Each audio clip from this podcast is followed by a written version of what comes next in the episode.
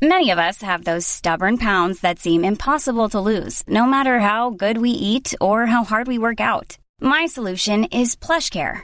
PlushCare is a leading telehealth provider with doctors who are there for you day and night to partner with you in your weight loss journey. They can prescribe FDA-approved weight loss medications like Wagovi and Zepbound for those who qualify. Plus, they accept most insurance plans. To get started, visit plushcare.com slash weight loss. That's plushcare.com slash weight loss. Quality sleep is essential. That's why the Sleep Number Smart Bed is designed for your ever-evolving sleep needs. Need a bed that's firmer or softer on either side? Helps you sleep at a comfortable temperature? Sleep Number Smart Beds let you individualize your comfort so you sleep better together. JD Power ranks Sleep Number number 1 in customer satisfaction with mattresses purchased in-store. And now save 40% on the Sleep Number limited edition Smart Bed for a limited time. For JD Power 2023 award information, visit jdpower.com/awards. Only at Sleep Number stores or sleepnumber.com. Here's a cool fact: a crocodile can't stick out its tongue. Another cool fact: you can get short-term health insurance for a month or just under a year in some states. United Healthcare short-term insurance plans are designed for people who are between jobs, coming off their parents' plan, or turning a side hustle into a full-time gig. Underwritten by Golden Rule Insurance Company, they offer flexible, budget friendly coverage with access to a nationwide network of doctors and hospitals. Get more cool facts about United Healthcare short term plans at uh1.com.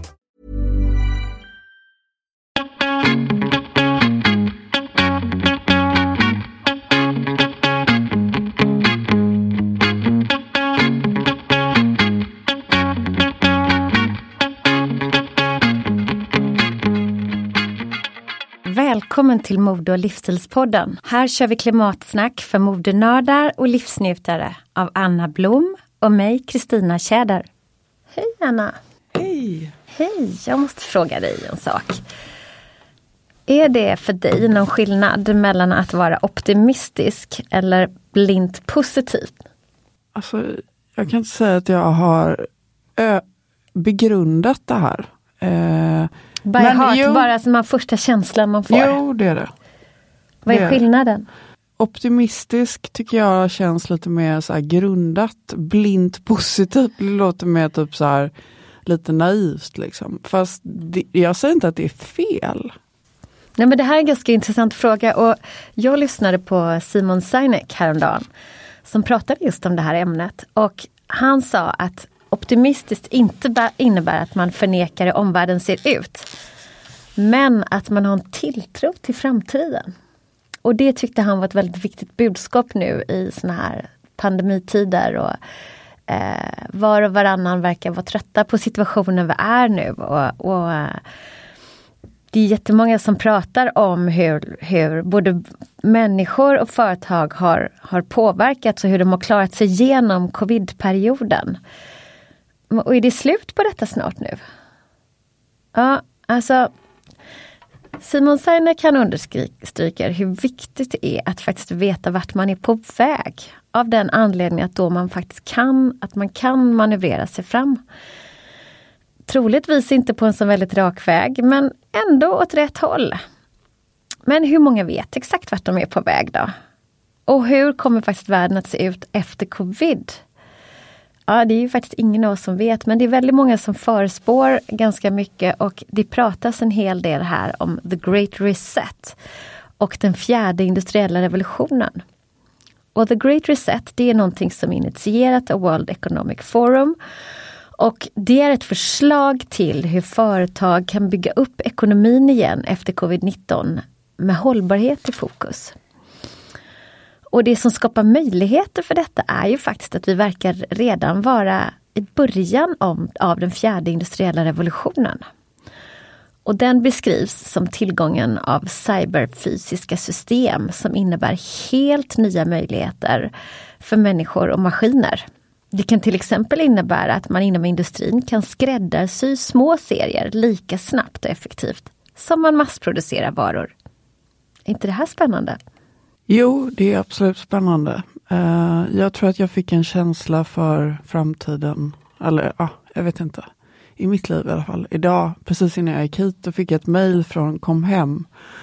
Uh, eh, att uh, min identitet på nätet var utsatt. Jag köpte ett sånt skydd så att uh, de liksom skannar mina konton och mina lösenord och sådär. Och så får man liksom ett, mail om det är liksom att man är då hotad. Så att då gick jag in på Kom hem och kollade liksom vad det var som var hotat. Och det är samma sak som är hotat hela tiden. Det, det låter ju väldigt är, obehagligt det, att man har liksom ett cyberhot på sig. Då, nej, privat, men det sjuka eller? är liksom att då är det någon som, för det, det som de säger är att ja, din mailadress är typ eh, under hot. Och då kollar jag så här, var är den under hot? Dark web. Jag Oj. bara, alltså, så jag tror ju så jag tror verkligen på liksom, alltså det här med den personliga integriteten och personliga säkerheten online och vad det är för klimat som kommer råda framöver. Det, det tycker jag är intressant. Men eh, vi lämnar det. Eh, det var en, eh, en, en liten eh, passus. Men ja, det här med skräddarsytt är intressant. Alltså, jag menar, vi kanske kommer tillbaka till tiden då folk hade en skräddare som sydde sina plagg och folk har liksom hittat tillbaka till sin individuella stil istället för massproducerat. Jag älskar att gå till skräddaren. Mm, jag med. Eller jag syr ju själv. Det, men, det är ju inte ja. så att jag, det lät upp som att det var något jag gjorde på så här regular basis. Det är det ju inte. Men eh, ibland. Ja. Eh, men nu när vi sitter här så har herrmodevisningar i Paris inletts och i nästa vecka börjar Haute Couturen som är det finaste och mest välskräddade hantverk vi har inom mode idag.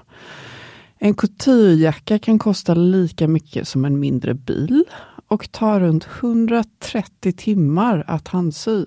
Alltså det är helt otroligt. Det intressanta är att båda veckorna endast är digitala. Inga gäster får fysiskt bjudas in och visningarna måste hållas inom stängda dörrar. Ja, det ska bli intressant att se vad de visar. Nytt är ju att Fendi, eh, pälsmodehuset, det italienska, visar sedan deras nya talang Kim Jones, som är känd för hans eh, konstfulla och ja, mycket intressanta sätt att knyta samman streetwear med popkultur från både Dior och Louis Vuitton. Det ska bli så spännande. Och eh, Balenciaga avstår och ansluter till visningarna i juli. There's never been a faster or easier way to start your weight loss journey than with plush care. PlushCare accepts most insurance plans and gives you online access to board-certified physicians who can prescribe FDA-approved weight loss medications like Wigovi and Zepbound for those who qualify. Take charge of your health and speak with a board-certified physician about a weight loss plan that's right for you. Get started today at plushcare.com slash weight loss. That's plushcare.com slash weight loss. plushcare.com slash weight loss. Quality sleep is essential. That's why the Sleep Number smart bed is designed for your ever-evolving sleep needs. Need a bed that's firmer or softer on either side? Helps you sleep at a comfortable temperature? Sleep Number smart beds let you individualize your comfort so you sleep better together. JD Power ranks Sleep Number number 1 in customer satisfaction with mattresses purchased in-store. And now save 40% on the Sleep Number limited edition smart bed for a limited time. For JD Power 2023 award information, visit jdpower.com/awards. Only at Sleep Number stores or sleepnumber.com. Cool fact: A crocodile can't stick out its tongue. Also, you can get health insurance for a month or just under a year in some states. United Healthcare short-term insurance plans, underwritten by Golden Rule Insurance Company, offer flexible, budget-friendly coverage for you. Learn more at uh1.com. Hey, it's Paige DeSorbo from Giggly Squad. High quality fashion without the price tag. Say hello to Quince. I'm snagging high-end essentials like cozy cashmere sweaters, sleek leather jackets, fine jewelry, and so much more. With Quince being 50 to 80% less than similar brands. And they partner with factories that prioritize safe, ethical, and responsible manufacturing. I love that. Luxury quality within reach. Go to quince.com slash style to get free shipping and 365 day returns on your next order. quince.com slash style. Mm, det är mycket som händer fram och tillbaka och det sker ju förändringar hela tiden. Och eh, jag tycker det här med skräddarsytt, personlig stil, det för oss in på dagens tema.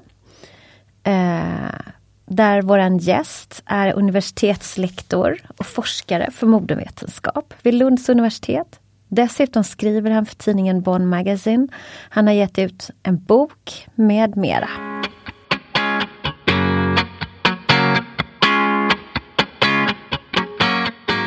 Välkommen Filip! Tack så mycket! Vi är så glada att ha dig med oss här idag och eh, vi är så intresserade av allt vad du har att dela med dig av. Och jag skulle vilja börja med att fråga dig, vad är mode egentligen? Ja, du börjar i den änden. Ja, men det ja. låter ju helt, helt rimligt. Eh, så här är det ju att eh, mode förknippas ju oftast med kläder men egentligen så syftar mode på någonting annat. Och mode finns ju inte bara i kläder utan man kan se det i, i de flesta områden i ens liv eller i samhället.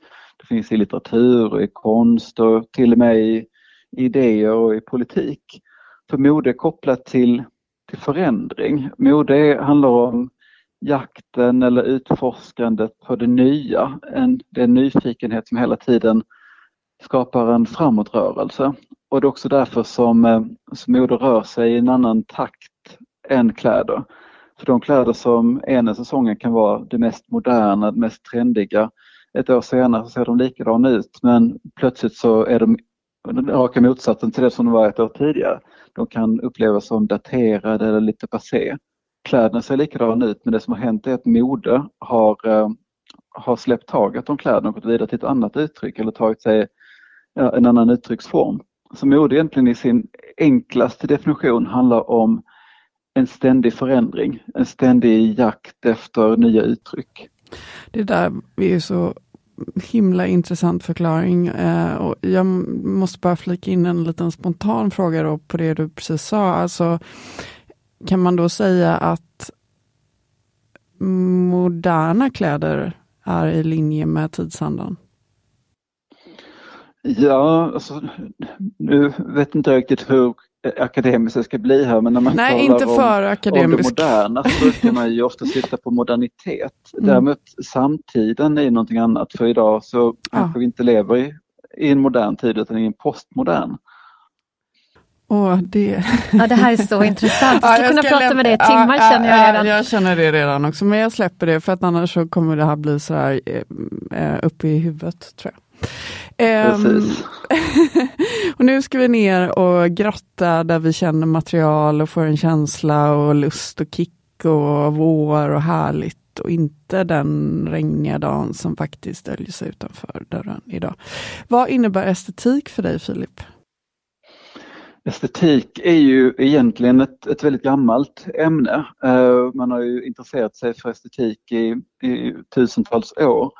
Och egentligen så handlar det väl om, om en gestaltning, om att ge form åt någonting.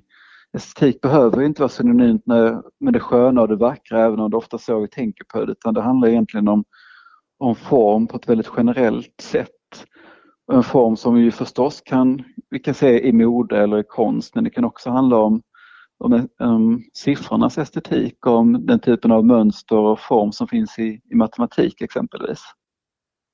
Mm, ja, det här är så intressant. Och, och, Då undrar jag, för man pratar ofta om estetik och smak, men är, är god smak detsamma som, som, som att vara snygg? Uh, inte riktigt skulle jag säga för att det, självklart så finns det en stark koppling uh, och det, det, är lätt att tänka sig att man uppvisar god smak om man klär sig snyggt. Men jag skulle kanske säga att god smaken handlar om ett förhållningssätt. Att det inte handlar bara om hur man ser ut utan hur man betraktar saker och ting eller hur man förhåller sig till saker och ting eller hur man kombinerar olika grejer. Och det behöver inte alltid bli snyggt men kanske intressant eller visa på en, på en känsla eller en sinnlighet. En förståelse för hur saker och ting kan kombineras. Mm. Det klassiska exemplet på den där kombinationen när någonting bryts för mig i alla år har varit just det där när man började använda typ sneakers med finbyxor. Ja men precis, för att mina god, god smak behöver inte alltid handla om att någonting ser klassiskt elegant ut utan det kan vara att man just har en förståelse för hur man kan kombinera saker och ting. Och de här sakerna kanske inte alltid har hängt ihop eller eh, kombinerats med varandra tidigare men just att man, att man ser att någonting kan länkas på ett sätt som gör att det blir intressant eller, eller känns bra. Men att det kanske inte är traditionellt snyggt för det. Precis. Kan man skaffa sig god smak eller är det någonting som man liksom föds med? Oh, ja, det här är ju känsligt men eh, jag tänker väl som så att alla människor är bra på olika saker. Vissa är bra på, på sport exempelvis eller på fysiska aktiviteter. Andra kanske är bra på språk. Jag tror att god smak eller en känsla för estetik det kan på samma sätt som, som ett bollsinne vara någonting man föds med. Men jag tror också att det är någonting som man kan träna upp lite som en muskel. Så att man, eh, så vissa har ju förstås lättare för att träna upp den muskeln än andra. Men eh, jag tror att man absolut kan, kan utveckla en god smak om man, om man skulle vilja. Men ja, det, är, det är intressant. Man brukar säga... falla sig lätta för att vissa har det här seendet på ett ah. mer självklart sätt än andra har. Ja, det verkar ju så. Det är, det är skillnad på många och man brukar säga att money can't buy style. Eh, men man kanske då faktiskt Även de som har väldigt mycket pengar kan faktiskt kanske öva sig till en bättre stil på sikt då. Det finns ju hopp då med andra ord, även för de som inte har, har det i sig så att säga.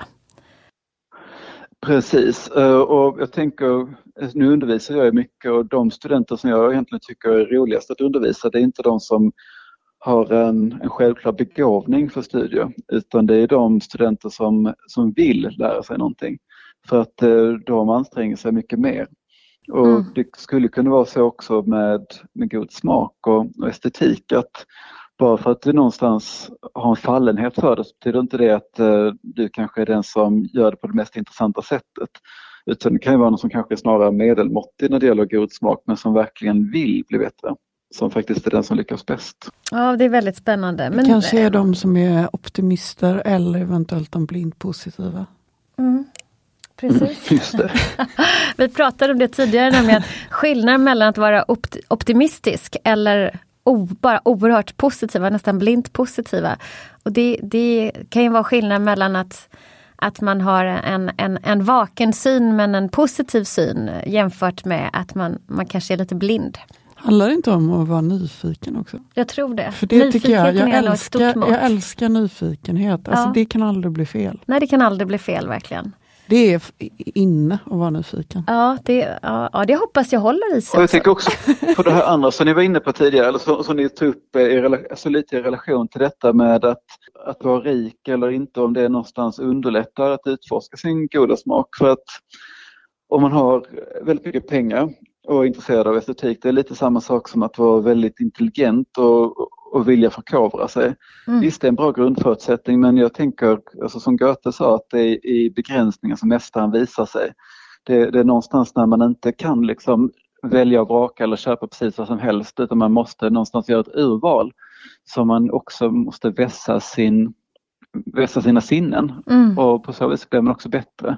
Jag vet inte alltid om det, om det är till gagn att just kunna köpa precis vad som helst om det är så att man vill utveckla en god smak. Utan jag tror att det kan vara bättre att behöva förhålla sig till en budget för då måste man verkligen tänka igenom sina beslut. Begränsningar är alltid bra. Men du, ja. den gamle gode Goethe, för, för de som inte har stenkoll på honom, vem var han?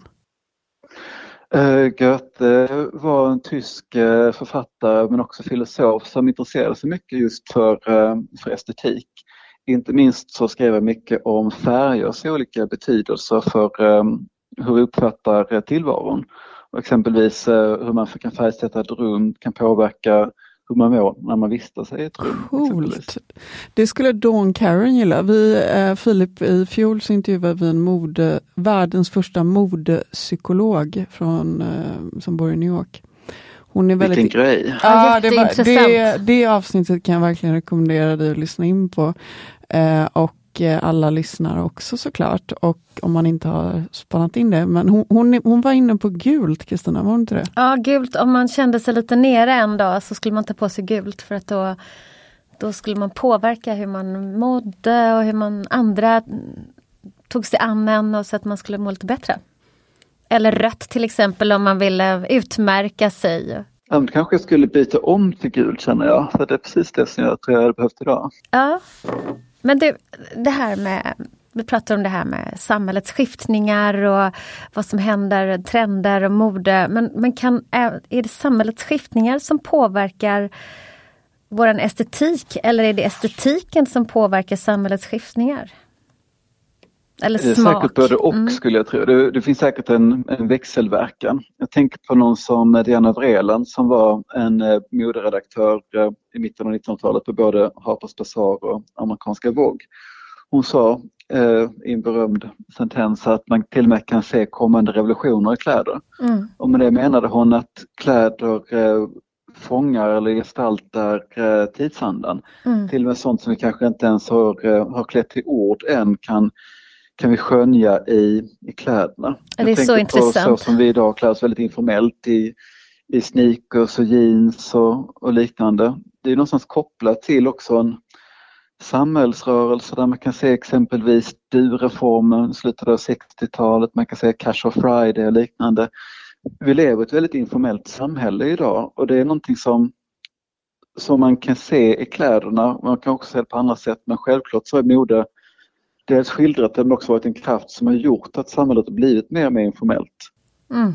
Det här är verkligen intressant. Och då vill jag, har jag en följdfråga. Att, hur, hur tror du att covid-perioden kommer att påverka hur folk klär sig och uttrycker sig på sikt? Så jag tror att eh, den här eh, pågående pandemin, som ju är väldigt speciell, eh, ja. den har säkert inte skapat några nya mönster utan snarare så tror jag att den har förstärkt sådana tendenser som redan fanns. Exempelvis, det är ju väldigt populärt idag att tala om mjukisbyxan och liksom zoom, zoom-modet och liknande. Men det är egentligen bara kopplat till den här större trenden som vi har sett långt innan dess, alltså det här med det mer informella, vi ser att exempelvis mjukisbyxan idag är mer populär än jeansen och liknande. Och det är någonting som slog igenom redan innan pandemin kom. Så att det där att vi går mot ett mer informellt, mer bekvämt mode, det är någonting som verkligen har fått fart genom eh, pandemin. Men eh, det var ju någonting som fanns redan innan dess. Mm. Så pandemin har liksom förstärkt en tendens, skulle ja. jag säga. Men tror man inte att folk tröttnar på det efter ett tag? Jo, många säger att efter, eh, efter det att det här har släppt så kommer vi nog oss som aldrig förr. Och jag har också sett att vissa har ju dragit eh, paralleller till 1920-talet eh, och hur, hur, man då klädde sig väldigt extravagant efter, efter det spanska sjukan var över. Ja, vi, vi hoppas att det, kommer, det här covid kommer att ge oss glädje och alltså brus jag, vet i vad luften. Jag tror? Jag tror att och nu liksom pratar jag mer ur ett så trendperspektiv, för det är inte så att jag på något sätt liksom känner så här, ah, nu är vi trötta på det. För så enkelt är det ju inte såklart. Men jag tror att vi är ganska mätta på att prata om covid och corona och längtar efter något helt annat. Mm. Typ. Framtiden. Alltså vi är supermätta på det. Och det Radikal händer, optimism och hantverk och färg. Absolut, alltså precis det som du är inne på nu eh, Anna, det här med att mer livsbejakande.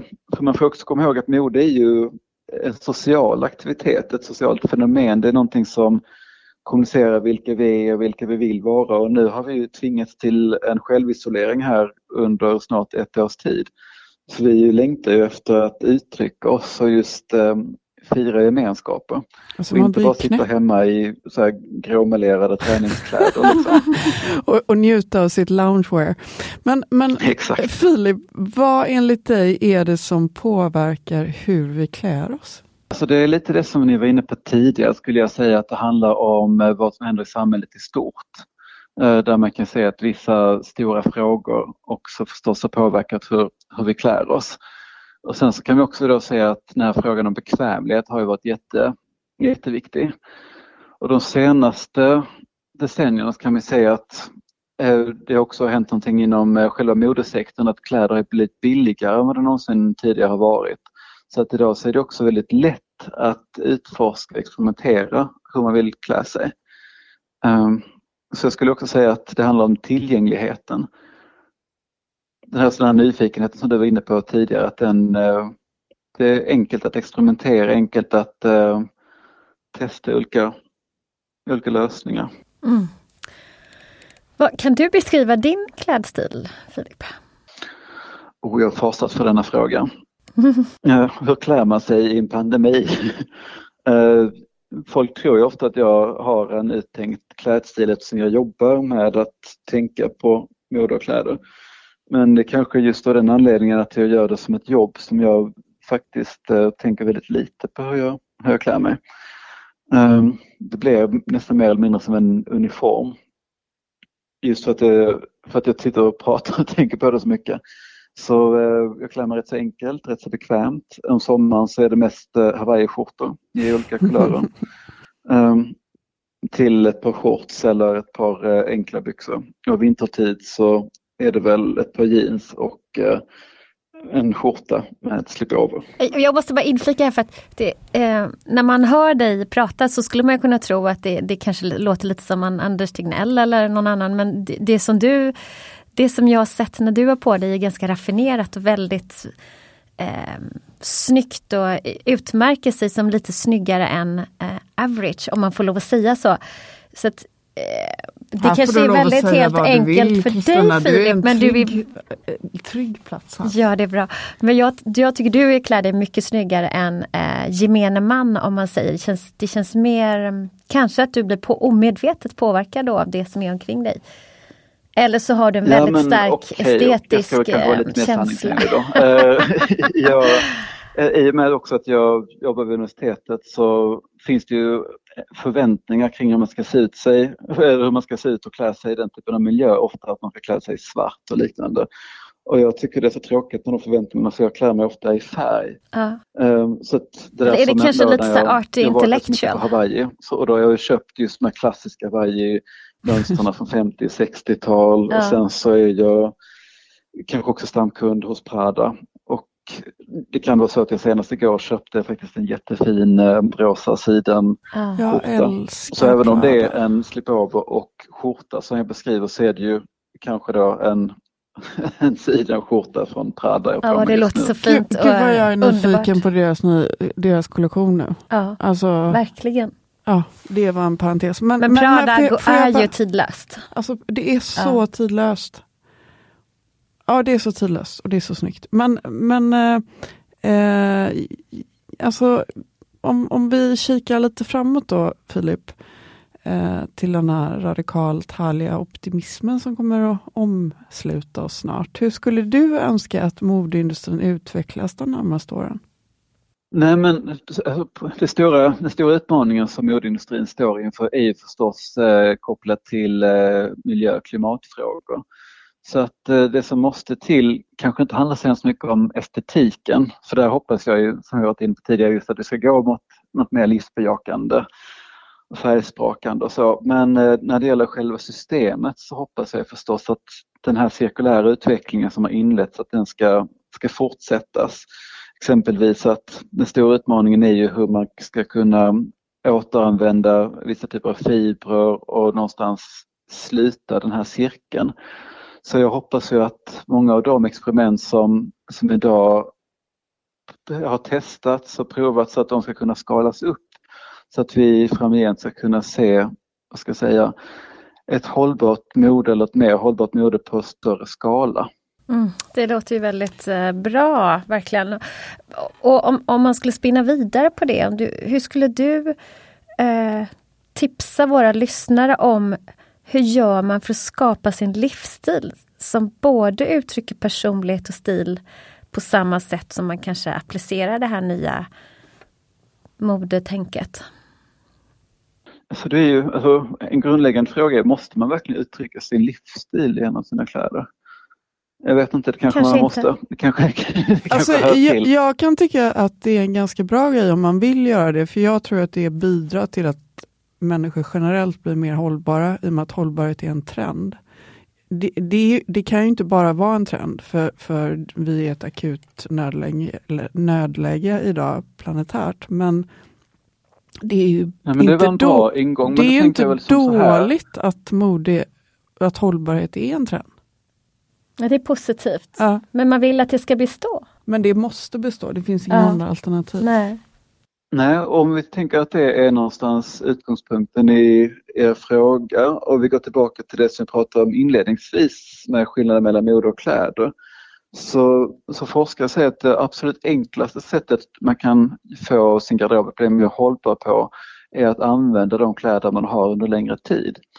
Och då skulle det kunna handla om att, alltså det här är ju enkla knep som, som ofta upprepas men De bästa är de enkla. Alltså det är just att liksom kombinera det man redan har fast kanske på nya sätt. Att, eh, att botanisera egen garderob, att någonstans den här nyfikenheten som ju driver modet framåt. Att förstås eh, bevaka den och bevara den men kanske rikta den mot det man redan äger och se hur man någonstans skulle kunna få det att kännas, kännas nytt eller att förnya sin garderob med enkla knep. Man kanske inte behöver ersätta allting man äger med någonting nytt utan man kanske letar efter de luckor som finns. Är det så att man behöver ett par byxor, då kanske det är det man köper istället för att som, som ju många gör idag, att man någonstans shoppar för att få en kick eller för att här, lösa vardagstristessen. Men det, här, det är bra faktiskt, det du säger är väldigt bra. Det här är så grymt ja. bra. Och jag, jag, tänker på äh, Kappahls äh, hållbarhetschef och miljöforskaren Sandra Ros som har varit och gästat oss äh, tidigare i höstas. Hon äh, ju, säger ju det att ett plagg kan användas ungefär 100 till 200 gånger före det är uttjänt. Och vi är få, inklusive mig själv, som gör det. Mm. Ja, det är intressant verkligen. Precis. Men eh, jag, ett tips är ju då att som vi gjorde i julas här så detoxade vi min mans garderob. Eh, det har han du inte har, berättat. Nej det har jag inte berättat men han har inte riktigt lika mycket kläder som jag. Jag jobbar ju med kläder så det är klart att jag har mycket kläder men eh, han hade ändå liksom också Prada-kostymer som han har haft i över tio års tid och använder så ofta verkligen. Men vi gjorde en liten utrensning och insåg att men han behövde inte så mycket nytt utan han behövde kanske tre nya grejer. Uh, och hade vi inte gjort det innan så inte han vetat vad det var han behövde för han tenderar att köpa nya sweatshirts och nya t-shirts hela tiden. Men nu får han inte köpa fler nya. Men på tal om det där med kick, jag hävdar ju att man kan få det ändå av The Hunt. Ja. The Hunt är när man uh, jagar vintage och second hand och är på jakt efter just det där. Mm. Den där det plagget från den säsongen, den mm. design. Mm.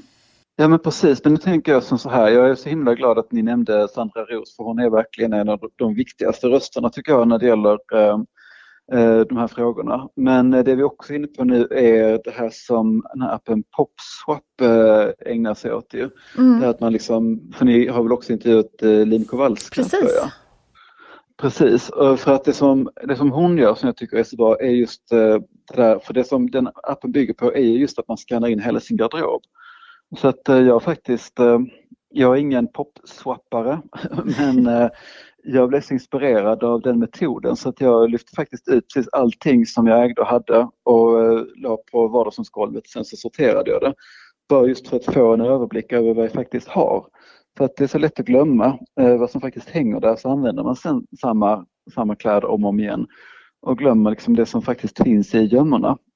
Men, så eh, himla så intressant sen och kul. Sen jag gjorde det så har jag faktiskt fått en helt annan överblick måste jag säga. Ja, det här är så roligt bra. att du det... blev så inspirerad av henne. Vilken ja, komplimang. Jättekul, det, det måste vi berätta för ja, måste vi verkligen. Och det här tipsar vi också våra lyssnare om att faktiskt göra för att få koll på sin garderob. Och, fota garderoben. Ja, är det något man Precis, känner överflödigt kan man ju swappa det. Men det har en radikal ja. Eh, påverkan. Ja. Radikal, det är, det, är den, det här avsnittets ord. Radikal.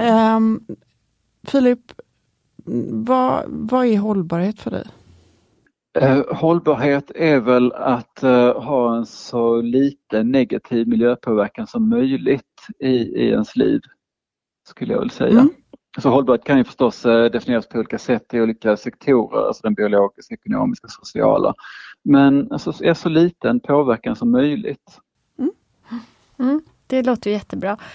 Vi brukar avrunda eh, med våra gäster att de får ge sina tre bästa tips för att leva mer klimatsmart. Vad skulle du säga, sammanfatta allt det underbara du har sagt då? Ja, det har verkligen varit underbart.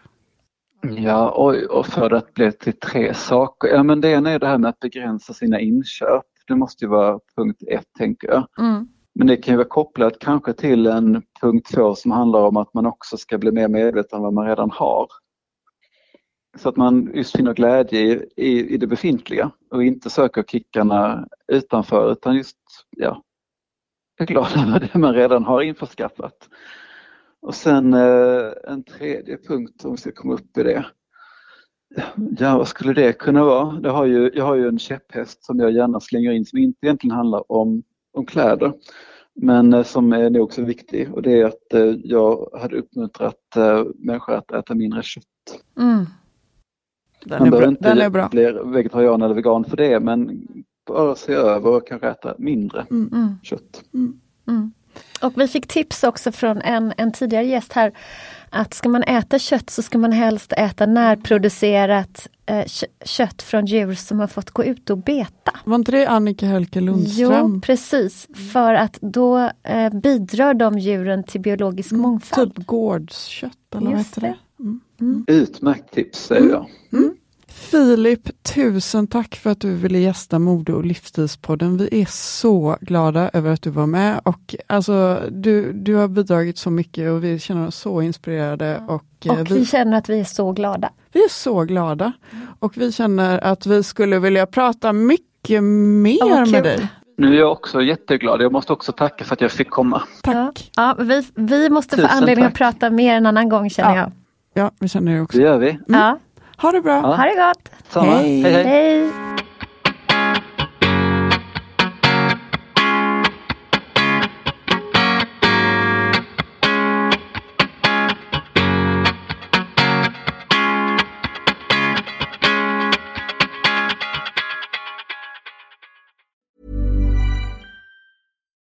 Here's a cool fact a crocodile can't stick out its tongue. Another cool fact you can get short term health insurance for a month or just under a year in some states. United Healthcare short term insurance plans are designed for people who are between jobs, coming off their parents' plan, or turning a side hustle into a full time gig. Underwritten by Golden Rule Insurance Company, they offer flexible, budget friendly coverage with access to a nationwide network of doctors and hospitals. Get more cool facts about United Healthcare short term plans at uh1.com. Even when we're on a budget, we still deserve nice things. Quince is a place to scoop up stunning high-end goods for 50 to 80% less than similar brands. They have buttery soft cashmere sweaters starting at $50, luxurious Italian leather bags, and so much more. Plus, Quince only works with factories that use safe, ethical, and responsible manufacturing. Get the high-end goods you'll love without the high price tag with Quince. Go to quince.com slash style for free shipping and 365-day returns.